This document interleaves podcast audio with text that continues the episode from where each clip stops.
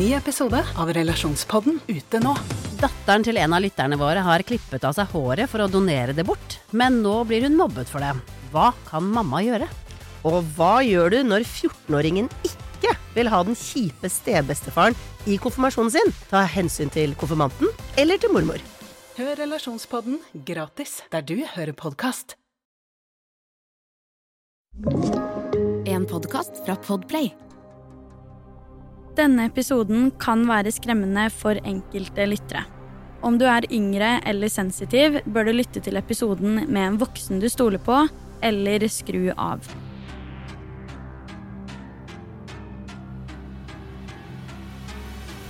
I denne ukens episode skal jeg ta for meg Birgitte Tengs-saken. En eh, norsk drapssak fra 90-tallet som nå i høst fikk ny oppmerksomhet i media da det kom en uventa utvikling i saken. Dette har jeg naturligvis fulgt nøye med på, og av den grunn så er vi rett og slett nødt til å snakke om saken her i podkasten. Jeg regner med at de fleste som interesserer seg for true crime, spesielt i Norge, har hørt om den saken her, men det er jo ikke sikkert at man husker alle detaljene, for det er mange av dem. Så i denne episoden her så kommer jeg til å ta for meg hele saken fra start til slutt, og så vil jeg også dele den siste utviklingen i saken. Det er også litt viktig å ha i bakhodet at denne saken her, den utvikler seg hele tida ettersom at det er en pågående rettssak, som også gjør at oppdateringer i saken vil komme relativt hyppig i ukene som kommer. Saken vi skal snakke om i dag, er en av norgeshistoriens mest etterforskede drapssaker. Så sett deg godt til rette. Dette er den tragiske Birgitte Tengs-saken.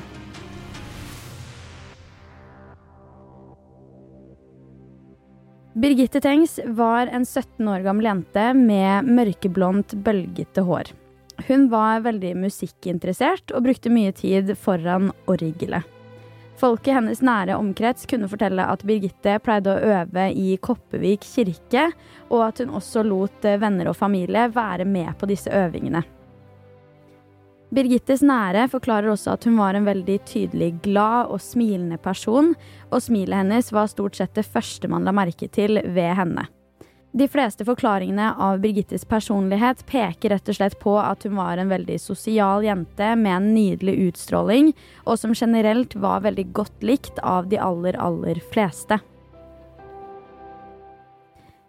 Den 5. mai 1995 hadde Birgitte Tengs tatt turen til Avaldsnes bedehus på en ungdomsfest. Her møter Birgitte på veldig mange hun kjente, og visstnok skal dette her ha vært en veldig fin kveld, men i ellevetiden på kvelden så tenker Birgitte å reise hjem igjen. Hun sa da ifra til de hun var med, og siden den siste bussen hun kunne ta allerede hadde gått, så fikk hun heller skyss av tre jenter ca. en halvtimes tid seinere. Disse jentene tilbød seg å kjøre Birgitte helt hjem, men Birgitte ønska likevel å bli sluppet av i Kopervik sentrum for å se om det var noen hun kjente der, og så kunne hun heller komme seg hjem derfra på egen hånd. Jentene hun satt på med, godtok naturligvis det her, så de slipper av Birgitte i Kopervik sentrum da de kom frem dit. Det er også verdt å merke seg at Birgitte og familien hennes bodde da ca. fire kilometer fra Kopervik sentrum. Flere vitner som da er venner og bekjente av Birgitte, kan da fortelle at de har både sett og snakka med Birgitte i gågata denne kvelden, så vi vet at hun i hvert fall har snakka med flere mennesker. Det er uansett to vitner som er spesielt interessante. Disse to er nemlig helt uavhengig av hverandre, men har fortalt om nøyaktig samme hendelse. Disse to vitnene har forklart i avhør at de så Birgitte lene seg inn i en grønn bil i enden av gågata i Kopervik sentrum. Enkelte av etterforskerne på saken har uttalt at de er overbevist om at Birgitte ble frakta fra Kopervik sentrum og til åstedet i bil, og dermed blir i så fall disse observasjonene helt avgjørende. Hvem er det som eier denne grønne bilen? Vedkommende har jo nemlig aldri meldt seg til politiet. Etter klokka tolv denne kvelden så er det ingen sikre observasjoner av 17 år gamle Birgitte Tengs frem til morgenen dagen etter. På morgenen den 6. mai 1995 så var en lokal bonde på leting etter noen sauer. Han blir sjokkert da han ikke finner sauene, men i stedet får øye på en ung jente liggende i et buskas langs Gamle Sundvei, og dette her er bare noen hundre meter unna Birgitte Tengs hjem.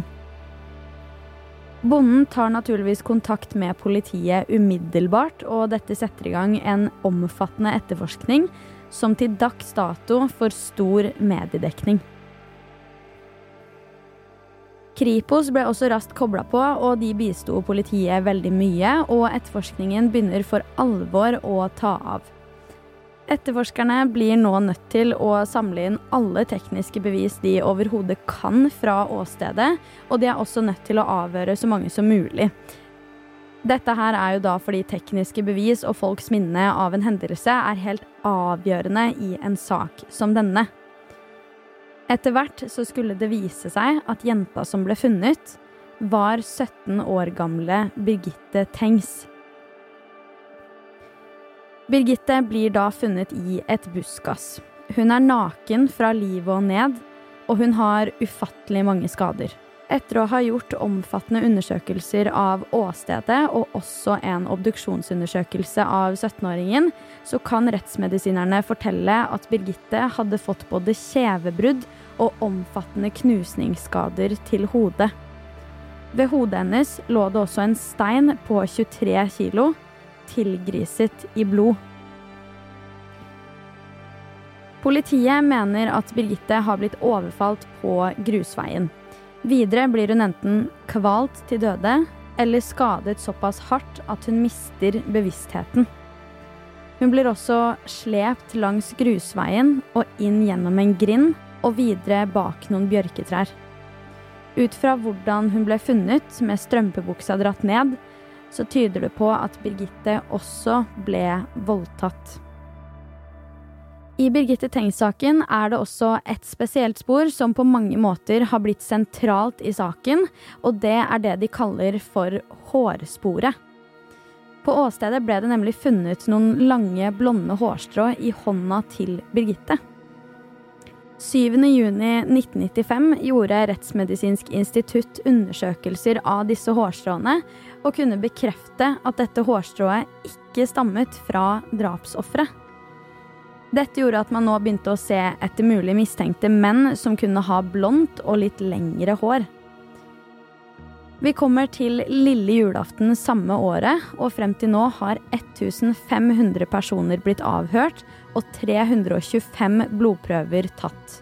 I tillegg til det var 1030 tips registrert i politiets dokumentmapper. 3. mai 1996 blir så etterforskningen nedtrappet da Kripos ikke lenger befant seg i Haugesund. 15. oktober 1996 er dagen da dette hårsporet skal endre retning.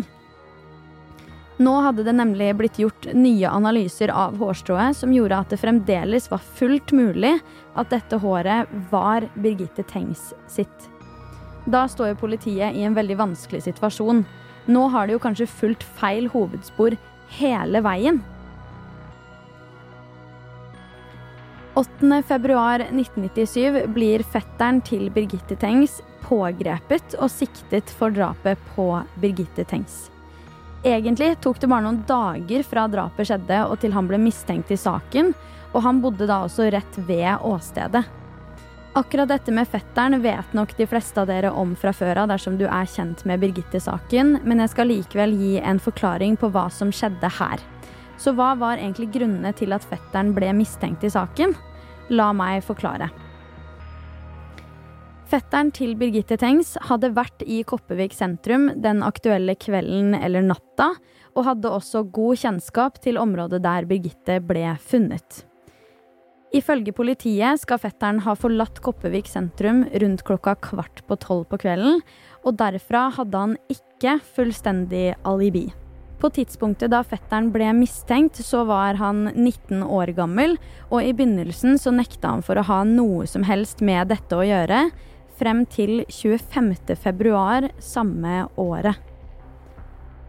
Da tilstår han nemlig å ha utført handlingene.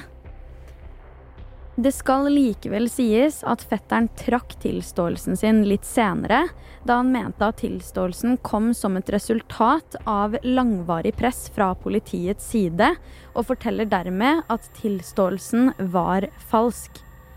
Dette skjedde før rettssaken i det hele tatt fant sted, men uansett så ender fetteren opp med å bli dømt i det som den gangen het herredsretten, til 14 år i fengsel. Han ble også nødt til å betale 100 000 kroner i oppreisning til avdødes foreldre. I juni 1998 blir fetteren frikjent for straffekravet, altså for fengselsdommen, men han er likevel nødt til å betale oppreisningen. Dette her er rett og slett fordi det var andre beviskrav til dommen om oppreisning enn det var i fengselsdommen. Vil si at han gikk egentlig herfra med et sosialt stempel som den skyldige, men uten å sone i fengsel. Han anka også oppreisningsdommen, men dommen hans ble likevel stadfestet. Faren til fetteren har forklart om drapsnatten at han gikk og la seg mellom kvart på tolv og ti på tolv den aktuelle kvelden. Imidlertid gikk han bare og la seg i senga for å vente på at sønnen skulle komme hjem, for i denne familien hadde de nemlig en avtale om at frem til barna fylte 18, så skulle de alltid signalisere at de hadde kommet hjem dersom de ble sene. Dette her visste da alle i familien om, og alle var helt klar over at det var sånn det skulle gjøres. Faren forklarer at han hørte at sønnen sin kom hjem rundt 15-20 minutter senere, ved at han hørte at døren ble lukket, og at han hang fra seg jakka si. Ifølge faren hadde han også hviska til sønnen og spurt om han hadde skrudd av utelyset.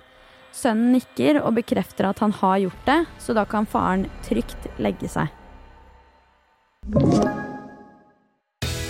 Skal du pusse opp eller bygge noe nytt? Ikke kast bort tid på å lete etter håndverkere selv. Gå inn på mittanbud.no og lag en beskrivelse av jobben du ville ha gjort. Så mottar du tilbud fra flere erfarne håndverkere som du kan sammenligne. Med mange tilbud er du sikrere på at du velger riktig bedrift, og at jobben blir skikkelig utført. Mittanbud.no få jobben gjort.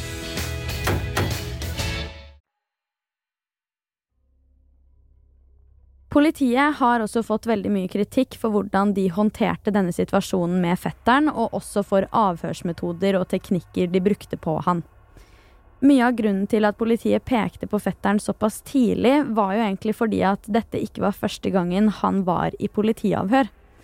I politiets registre fantes det nemlig tre hendelser fra da fetteren var ca. 16 år gammel, som gjorde at han tidlig i etterforskningen ble dratt inn som mulig mistenkt. Det var også en hendelse hvor fetteren ble beskyldt for å ha befølt en jente da han skulle hjelpe henne med en øvelse på trening, men der har fetteren selv forklart at det ikke var noe seksuelt ved denne hendelsen på noen måte, og den saken ble også henlagt i likhet med alle de andre hendelsene. Som jeg nevnte, så ble jo politiet sterkt kritisert for måten de gikk frem på i avhørene. Blant annet så hadde fetteren blitt spurt om han fiktivt kunne fortelle hva han trodde hadde skjedd med Birgitte.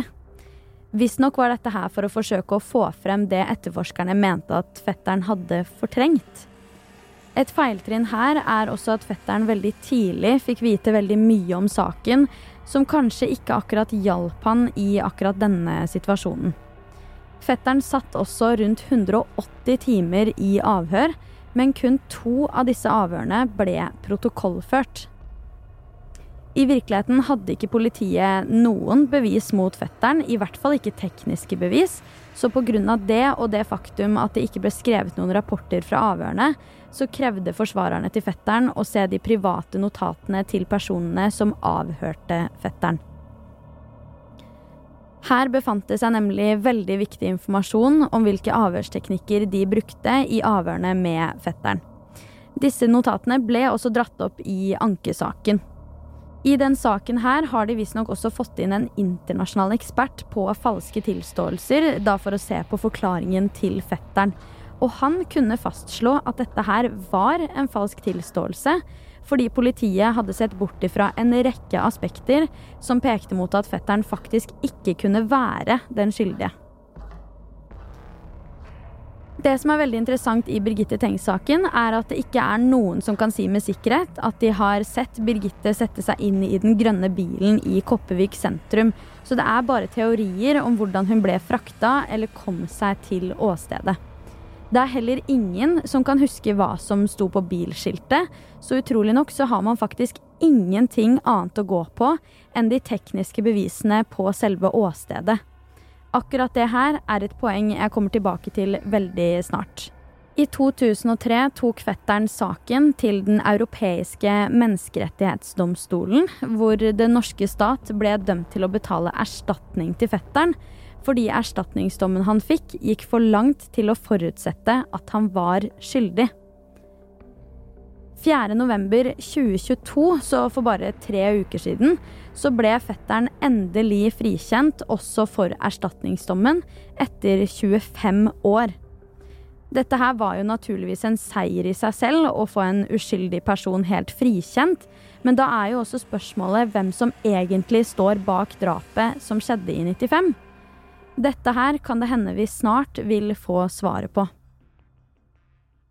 Som mange av dere helt sikkert har fått med dere, så er det nå en pågående rettssak mot en tiltalt mann i Birgitte Tengs-saken. Dette er 52 år gamle Jonny Vassbakk fra Haugalandet, som ifølge Nettavisen var i politiets søkelys i den opprinnelige etterforskningen. 1.9.2021 ble denne mannen pågrepet av politiet da han var på ferie i Farsund på Sørlandet. Grunnen til denne pågripelsen var at etterforskerne nå hadde funnet en DNA-profil på Birgittes strømpebukse som matcha til den nå tiltalte mannen. I sin tid la man vekt på at denne profilen ikke nødvendigvis tilhørte den siktede, og derfor også kunne tilhøre andre menn i hans familie, altså da pappa eller brødre. Det vil si at han, i hvert fall sånn jeg forstår det, antageligvis ble pågrepet på grunnlag av indisier eller andre bevis i tillegg. I april 2022 ble det bekreftet at DNA-funnet på strømpebuksa til Birgitte var en match med DNA-et til Jonny Vassbakk, og sakkyndighetsrapporten ble også etter hvert godkjent av Den rettsmedisinske kommisjon. I over 27 år har han nekta for å ha noe som helst med dette å gjøre. Og det er også verdt å nevne at han også ble siktet i Tina Jørgensen-saken i 2000, men politiet henla dette forholdet. Denne mannen har også naturligvis vært i avhør i sakene om både Birgitte Tengs og Tina Jørgensen, men da i sin tid som vitne. Visstnok dukket han opp i begge sakene helt innledningsvis, da han i Birgitte Tengs-saken dukka opp og ble avhørt bare noen dager etter at hun ble funnet drept. Han er også tidligere straffedømt, da han på 90- og tidlig 2000-tallet brøt seg inn hos flere kvinner og stjal både klær og sko av disse kvinnene. Da Jonny Vassbakk ble pågrepet i fjor, så avgjorde tingretten at han skulle varetektsfengsles i fire uker med brev- og besøksforbud og også medieforbud. Samtidig fikk politiet ransakelsesordre og gjorde flere beslag i boligen hans. VG skriver følgende om hva Vassbakk fortalte i avhør i Birgitte Tengs-saken. Kvelden Birgitte forsvant i 1995, sier den siktede at han kjørte til og fra Haugesund alene. Tengs forsvant i Koppevik, mellom Haugesund og der mannen kjørte fra. 17.10.2022 melder mediene at Jonny Vassbakk er blitt tiltalt for drapet på Birgitte Tengs i 1995. I den nå pågående rettssaken, som er planlagt at skal vare i totalt åtte uker, er det spesielt to spørsmål som står sentralt. Hvor var han da Birgitte Tengs ble drept? Og hvordan havna hans antatte DNA på strømpebuksa til Birgitte? Allerede i 1995 fikk politiet tips om at Jonny kunne være en potensiell gjerningsperson. Dette innebærte da bl.a. hans tidligere straffehistorikk med kvinner, som gjorde han til en potensiell moduskandidat. En moduskandidat er da en person politiet antar at kan ha et motiv eller være inspirert til å begå en slik handling ut ifra tidligere oppførsel. I tillegg var han visstnok i Kopervik-området med bil i tidsrommet da Birgitte ble drept, og han kjørte også en grønn bil. Du husker kanskje at vi snakket om at Birgitte ble observert ved en grønn bil i Kopervik sentrum?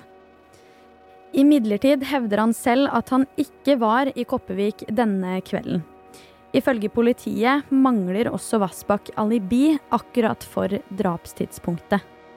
På den andre siden så forklarer Vassbakk at han aldri har snakka med eller vært i nærheten av Birgitte Tengs. Han forteller at han heller ikke kjenner noen av vennene til Birgitte, så derfor er det vanskelig for han å vite om han noen gang har vært i kontakt med noen av hennes venner i det hele tatt. Han forklarer også at han ikke kjente til gamle Sundvei, og at han heller aldri hadde vært der. Under tolv timer etter drapet kan Vassbakk beviselig kobles til å ha vært i Haugesund og tatt ut 2000 kroner i en minibank. VG skriver at dette ikke skaffer han noe alibi, men at det heller ikke knytter han noe nærmere verken åstedet eller drapet. Jonny Vassbakk har også forklart seg om bevegelsene sine den kvelden, hvor han forklarer at han antar at han kjørte til Haugesund på kvelden før drapet, og at han kom hjem igjen rundt klokken halv tre på natten. Formålet med turen har han vært uklar på, men han har forklart at han pleide å dra dit for å bowle eller å dra på kino. Dette her er også da en forklaring som han har holdt ved siden avhørene sine i 95 og 96. I et vitneavhør fra 1996 forklarte Vassbakk at han husker å ha plukket opp to jenter kvelden før drapet, og at han dro rett hjem uten å stoppe noe sted den påfølgende natta, heller ikke i Koppevik. Et poeng til er også at han selv forteller at han alltid har brutt sammen og erkjent straffskyld i tidligere straffesaker, men denne gangen står han på sitt.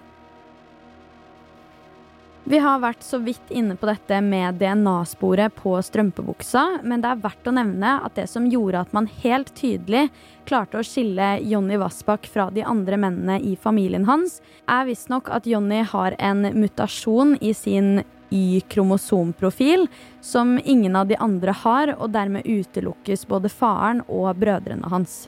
Om disse DNA-bevisene forteller forsvareren til Vassbakk at Vassbakk ble fryktelig lei seg, og at han mener noen må ha gjort en feil fordi han fremdeles står ved at han aldri har vært i nærheten av Birgitte Tengs. Han forklarer at prøvene f.eks. kan ha blitt miksa eller bytta om på slik at hans markør ble dratt inn, enten bevisst eller ubevisst. Som du hører, så er det helt vanvittig mange elementer i denne saken, og fremdeles mange steiner som behøver å bli snudd. Alle er jo uskyldige til det motsatte er bevist, og det blir uansett veldig spennende å høre hvordan denne rettssaken utvikler seg. Da denne episoden publiseres, kan det godt hende at det allerede har skjedd en del i saken som jeg ikke har fått tatt med i denne episoden, ettersom at det fremdeles pågår i retten. Så her er det bare å holde seg oppdatert. Dette er, som jeg sa innledningsvis, en av norgeshistoriens desidert mest etterforskede og også omtalte drapssaker. Og forhåpentligvis får vi en dag et endelig svar på hva som skjedde med Birgitte, uansett om Jonny Vassbakk viser seg å være skyldig eller uskyldig. Hennes pårørende fortjener et svar. Du har hørt Forsyningsfredag podkast med meg, Sara Høydahl. Og dersom du vil høre om flere true crime-saker, så kan du også sjekke meg ut på YouTube, der jeg heter Sara Høydahl. Uansett så kommer det en helt ny Forsyningsfredag podkast-episode allerede neste fredag. Og i mellomtiden, ta vare på deg selv.